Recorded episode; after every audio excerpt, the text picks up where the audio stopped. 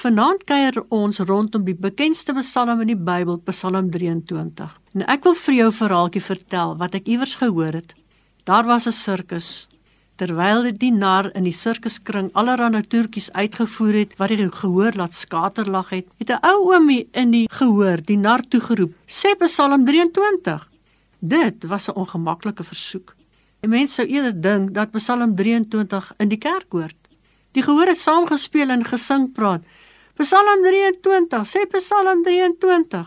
En die nar was verleë. Iemand uit die gehoor kom toe tot sy redding en sê: "Laat die oomie Psalm 23 sê." En die gehoor het weer gesing praat.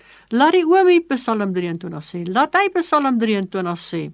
Uit die gehoor het die oom stadig sukkel sukkel aangestap, sy weg na die sirkuskring gemaak, die mikrofoon geneem en Psalm 23 voorgedra. 'n Psalm van Dawid: Die Here is my herder. Niks sal my ontbreek nie. Hy laat my neerlê in groenwy velde na waters waar rus is, lei hy my heen. Hy verkoop my siel. Hy lei my in spore van geregtigheid om sy naam ontwil. Al gaan ek ook in 'n dal van doodskade weer, ek sal geen onheil vrees nie, want U is met my. U stok en U staf, die vertroos my. U berei die tafel voor my aangesig teenoor my teestanders. U maak my hoof vet met olie, my beker loop oor. Net goedheid en guns sal my volg al die dae van my lewe en ek sal in die huis van die Here bly tot 'n lengte van dae. Na die oom die laaste reël voorgedra het, het hy teruggeskuifel stap na sy sitplek. In die gehoor was daar nie 'n droë oog nie. Die nar het 'n rukkie geneem voordat hy sy waardigheid herwin en die opmerking gemaak: "Ons ken almal Psalm 23, maar die oom ken die herder."